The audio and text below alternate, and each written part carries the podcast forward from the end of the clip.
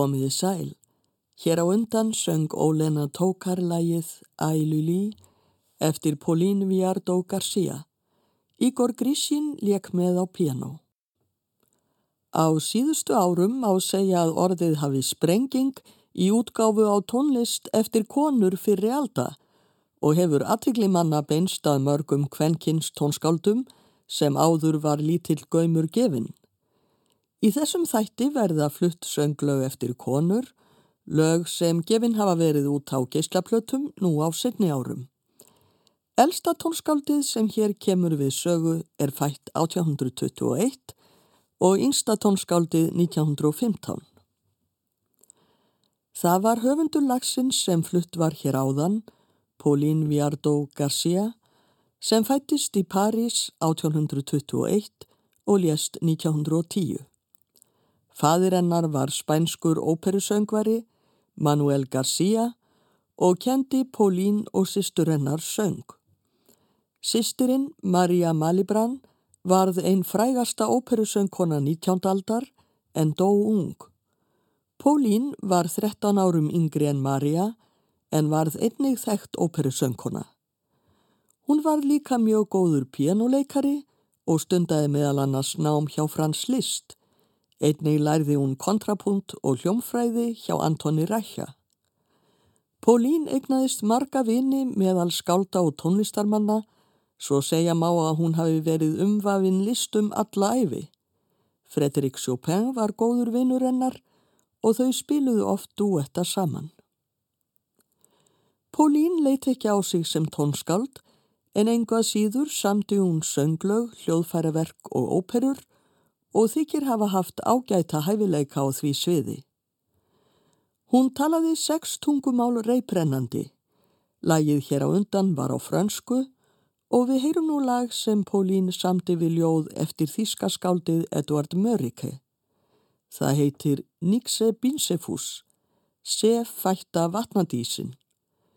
Um vetur dansar vatnadísin á ísnum, hún dansar fram hjá kofa fiskimannsins og syngur stríðnislegan söng.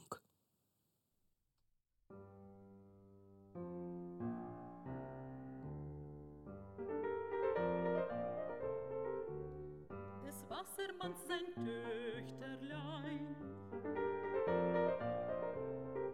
tanzt auf dem Eis im Vollmondschein. Sie tanzet ohne Furcht und Scheu, wohl an des Fischers Haus vorbei. Ich bin die Nixe, bin sie Fuß, und meine Fisch wohl hüten muss. Meine Fisch, die sind im Kasten, sie haben kalte Fasten.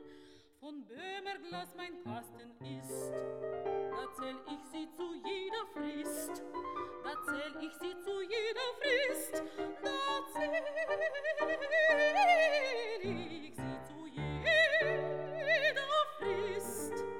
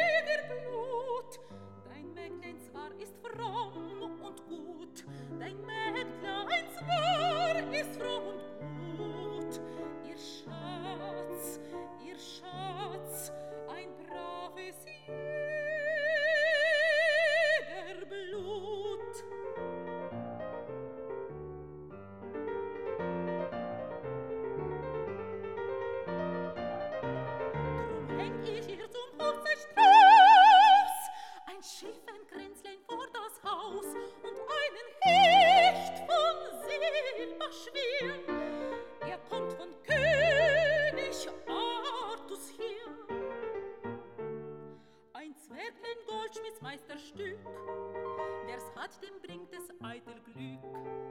Er lässt sich schuppen Jahr für Jahr. Das sind's 500 Gröschlein bar. Er lässt sich schuppen Jahr für Jahr. Da sind's 500 Gröschlein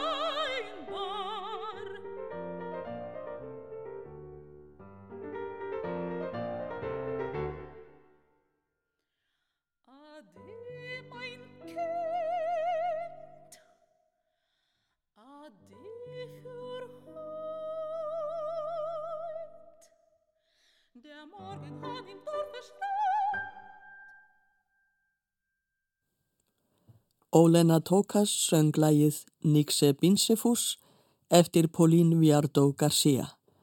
Pianoleikari var Igor Grishin. Melanie Bonis fættist 1858, dóttir millistéttar hjóna í París. Hún hafði brennandi áhuga á tónlist og lærði á piano án tilsagnar. Þegar hún var 12 ára, taldi tónlistarmæður nokkur foreldra hennar á að veita henni meiri tónlistarmentun. Árið 1874 hóf hún nám við tónlistarháskólan í París, 16 ára gömul og lærði þar meðal annars hljómfræði og tónsmíðar. Einn af kennurumennar var tónskáldið César Frank. Þar sem kvenkins tónskáld þurftu ofta glíma við fordóma, breytti Melanie nafni sínu í Melbonis svo að það hljómaði líkt á Karlmarsnafn. Mel gekk vel í tónlistarháskólanum og fekk meðal annars fyrstu verlaun fyrir hljómfræði. Árið 1881 varð hún ástfangin af nefnanda í skólanum, Amédée Landely Etis, sem endur galt ást hennar. Þau vildu giftast en foreldrar Mel voru andvíir hjónabandinu og tóku hana úr skólanum. Tveimur árum setna þvinguðu þau hana til að giftast kaupsíslumanninum Albert Domas. Domas hafði engan áhuga á tónlist og hjónabandið varð ekki hamingjusamt þótt þau eignuðust þrjú börn. Upp úr 1890 hitti Mel fyrrum unnusta sinn Ettis aftur. Hann var þá kvæntur en engað síður tóku þau upp ástasamband og eignuðust saman dótturina Madeleine sem var sett í fóstur. Ettis kvatti Mel til að fara aftur að semja og hún tók nú til við tónsmíðar að miklu kappi. Árið 1901 var frumfluttur pianokvartett eftir hana og þegar tónsmiðurinn Camille Saint-Saëns heyrði hann varð honum að orði aldrei datt mér í huga að kona gæti samið slíka tónlist. Árið 1904 gekk Mel í tónskaldafélagið Société du Compositeur de Musique og var rítari þess í fjögur ár fyrst hvenna.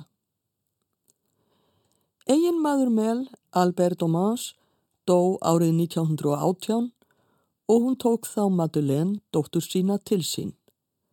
Svo óheppilega vildi til að Edouard, sonur Mel og Domans, varð ástfangin af Madeleine, enda vissan ekki að hún væri hálsistir hans. Mel neytist til að segja honum sannleikan en lagði ríkt á við hann að þeia yfir þessu. Madeleine giftist síðan öðru manni. Mel Bonis lést árið 1937, 79 ára gömul. Leticia Grimaldi syngur nú lagið Invocation, ákall eftir Mel Bonis við ljóð eftir Edouard Guinan. Þetta er ástarsöngur. Pianoleikari er Amiel Busjakevits.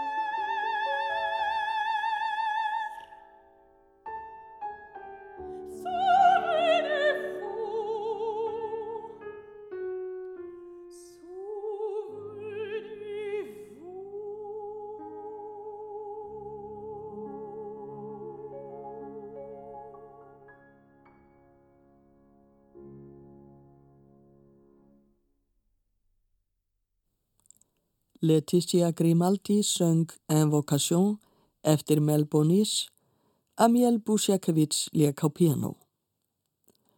Þau flytja nú annað lag eftir Mel Bonis í þetta sinn við ljóð eftir Ann Ostmón. Ljóðið heitir Ansoir, kvöld, og er þannig í lausleiri þýðingu. Legðu ennið þitt í kjöldu mína, sofðu. Regnið streymir niður gluggan, dróparnir falla hægt og slá látt hina eilífu stund. Sofðu rótt. Þá heyrirðu ekki í himninum sem grætur. Leticia Grimaldi og Amiel Busjakevits flytja lægið Ansoir og í pianoleiknum má heyra regnið niða á rúðunum.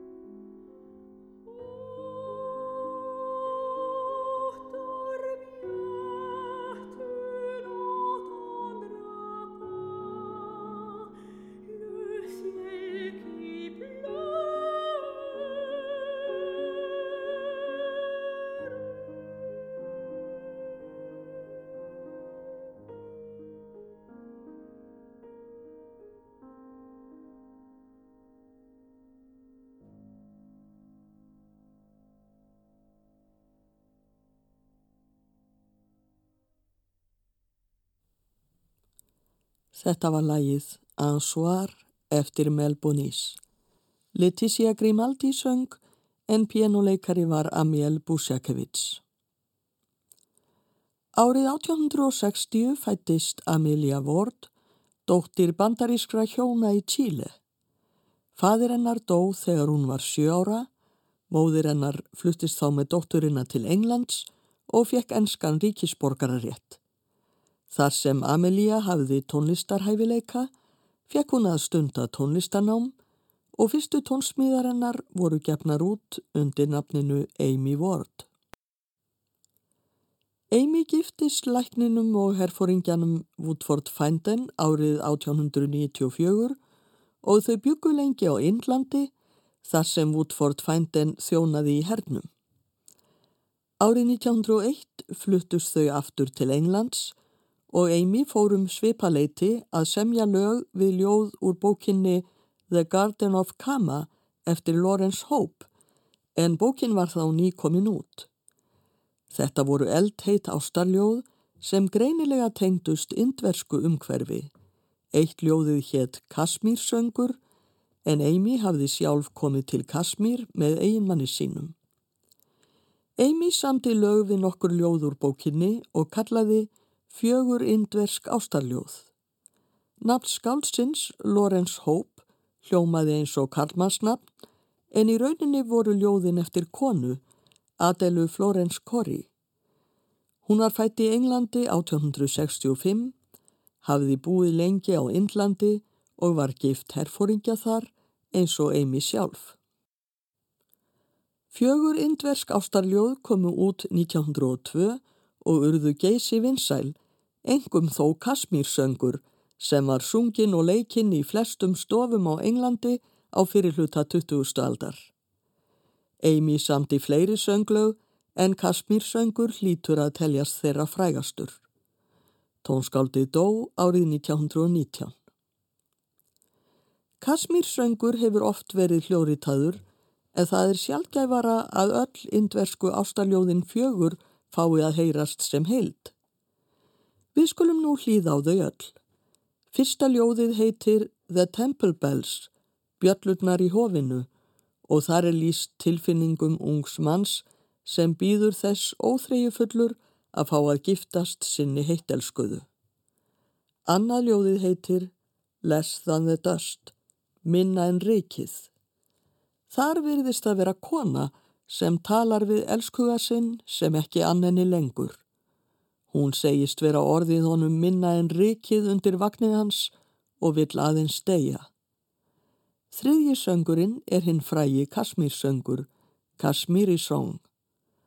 Sjalimar er nafn á gardi í Kasmír og í hvæðinu segir Fölu hendur sem ég elskaði hjá Sjalimar Heldur hefði ég viljað finna ykkur kremja úr mér lífið en sjá ykkur veifa til mín í kveðjuskinni.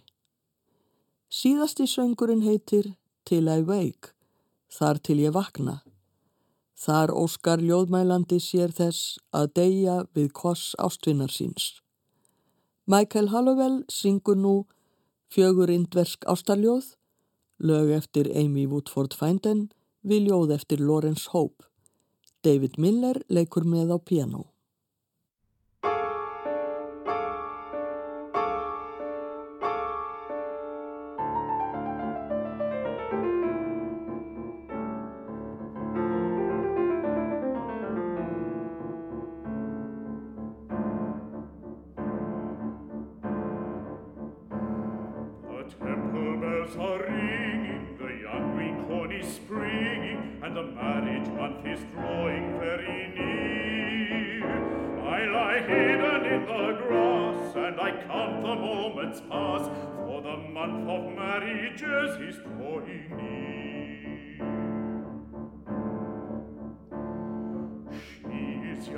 Very sweet from the silver on her feet to the silver and the flowers in her hair. And her beauty makes me swoon as the margaret trees at noon intoxicate the hot and quivering air.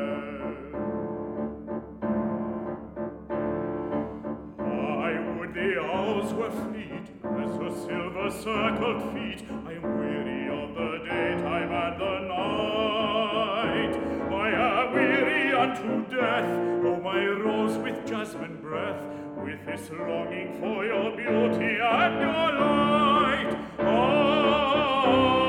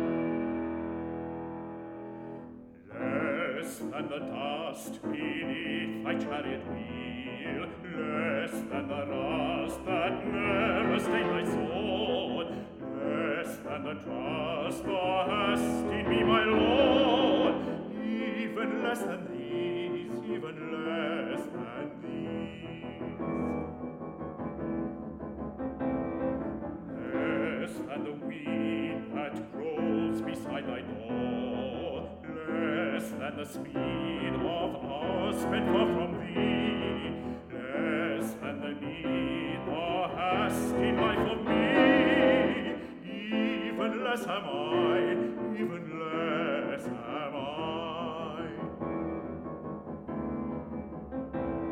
Since I, my Lord, am nothing unto thee, see here thy sword, I make it clean and bright. Last reward, death comes to me tonight.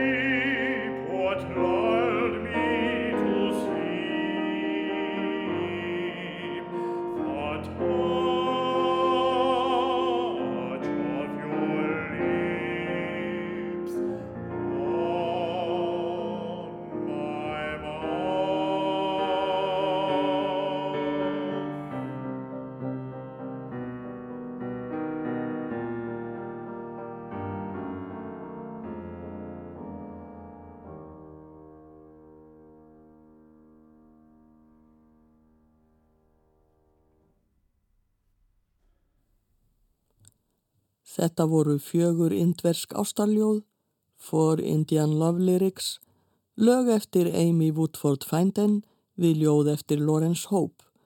Ljóðin héttu The Temple Bells, Less Than the Dust, Kashmiri Song og Till I Wake. Michael Hollywell söng og David Miller leik á piano. Augusta Holmes fættist árið 1847 í París. Fadir hennar var Íri, eða þar sem Augusta ólst upp í París gerðist hún franskur ríkisborgari árið 1871 og bætti þá franskri áherslu komu við eið í ættanapni sínu, svo úrvarð Augusta Olmes. Hún fekk enga kjenslu í tónlist, lærði á piano og fór unga semja. 16 ára gömul síndi hún Frans List nokkrar tónsmíðar sínar og hann lauk lofsorði á þær. 19 ára gerðist hún nefandi Césars Frank og mat kjenslu hans ávalt Mikils. Þegar Augusta var orðin þroskað tónskáld, lagði hún talsverða áherslu á tónlist í stórum formum, samti symfoníur og óperur, en þó samti hún einnig mörg sönglög. Hún giftist aldrei en bjó með skáldinu Catul Mandes og egnaðist með honum fimm börn. Til er þekkt málverk eftir Claude Renoir sem sínir þrjár litlar dæturennar leika á piano og fiðlu. Augusta Olmes lést árið 1903.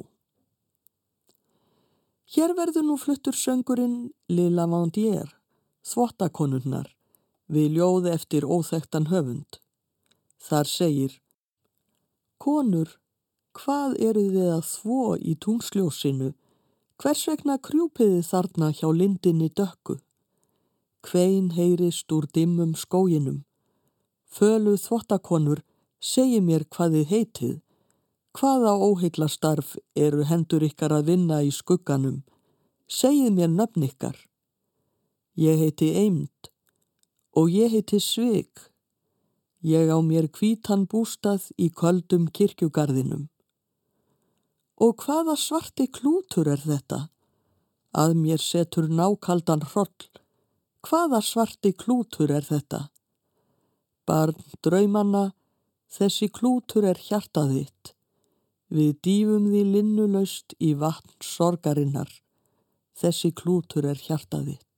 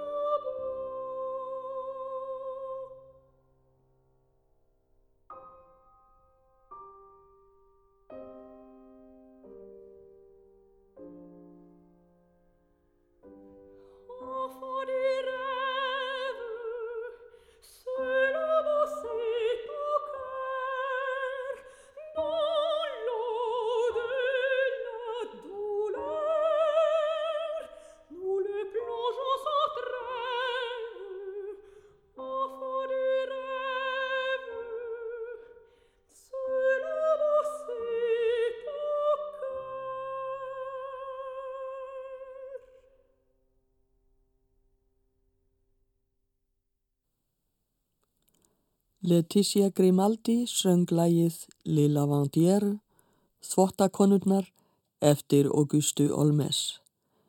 Pianoleikari var Amiel Busjakevits. Þau flytja nú annað lag eftir Augustu Olmes. Lægið heitir A Triano, í Triano og er létt og leikandi. Hér er fylst með ástamálum aðalsfólks í Triano Höll sem 17. aldar konungurinn Lóðvík XIV létt byggja fyrir ástkonu sína Markgreifinjuna af Montespan.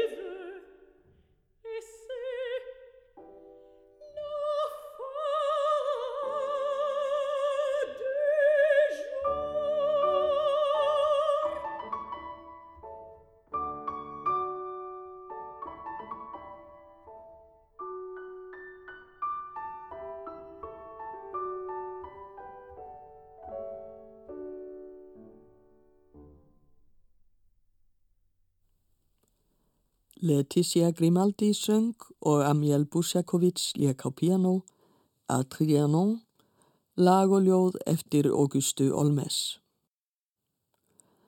Við heyrum að lokum sönglög eftir teknæska tónskáldið Víceslöfu Kapralófu. Víceslava fættist árið 1915 í borginni Brno. Á unglingsárunum stundaði hún nám í tónsmíðum og hljómsveitarstjórn í Brno og síðar helt hún tónlistanámi áfram í Prag meðal annars hjá tónskáldinu Bohuslav Martinu. Árið 1937 stjórnaði hún teknæsku filharmoníu sveitinni en konur voru þá sjálf séðar á stjórnpalli. Þremur árum síðar, 1940, lést hún úr Berglum, aðeins 25 ára gömul, en let samt eftir sig fyrðu mikið af tónsmýðum, þar á meðal tvo pianokonserta, strengjakvartett og fleiri kammerverk, einleiksverk fyrir piano og sönglög. Ólena Tókar syngur nú lægið Navsti fyrir fullt og allt við ljóð eftir Jan Tjarek. Þar segir Villigæsinnar fljúa söður, sumar fara og koma aftur, sumar fara og koma aldrei aftur.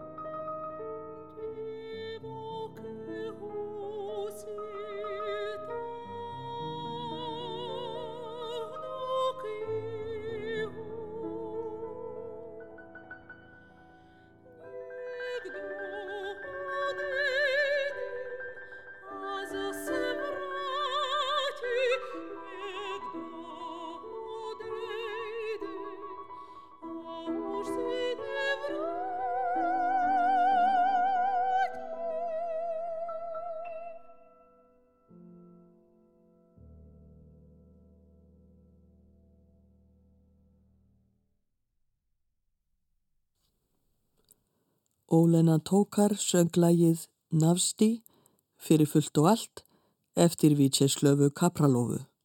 Pianoleikari var Ígor Grishin. Þættinum líkur með öðru lægi eftir Kapralófu, það heitir Rútse, Hendur og er samið við ljóð eftir Jaroslav Seifert. Aftur er það Ólena Tókar sem syngur og Ígor Grishin sem leikur á piano. Ég þakkar hlustendum samfélgina, verði sæl.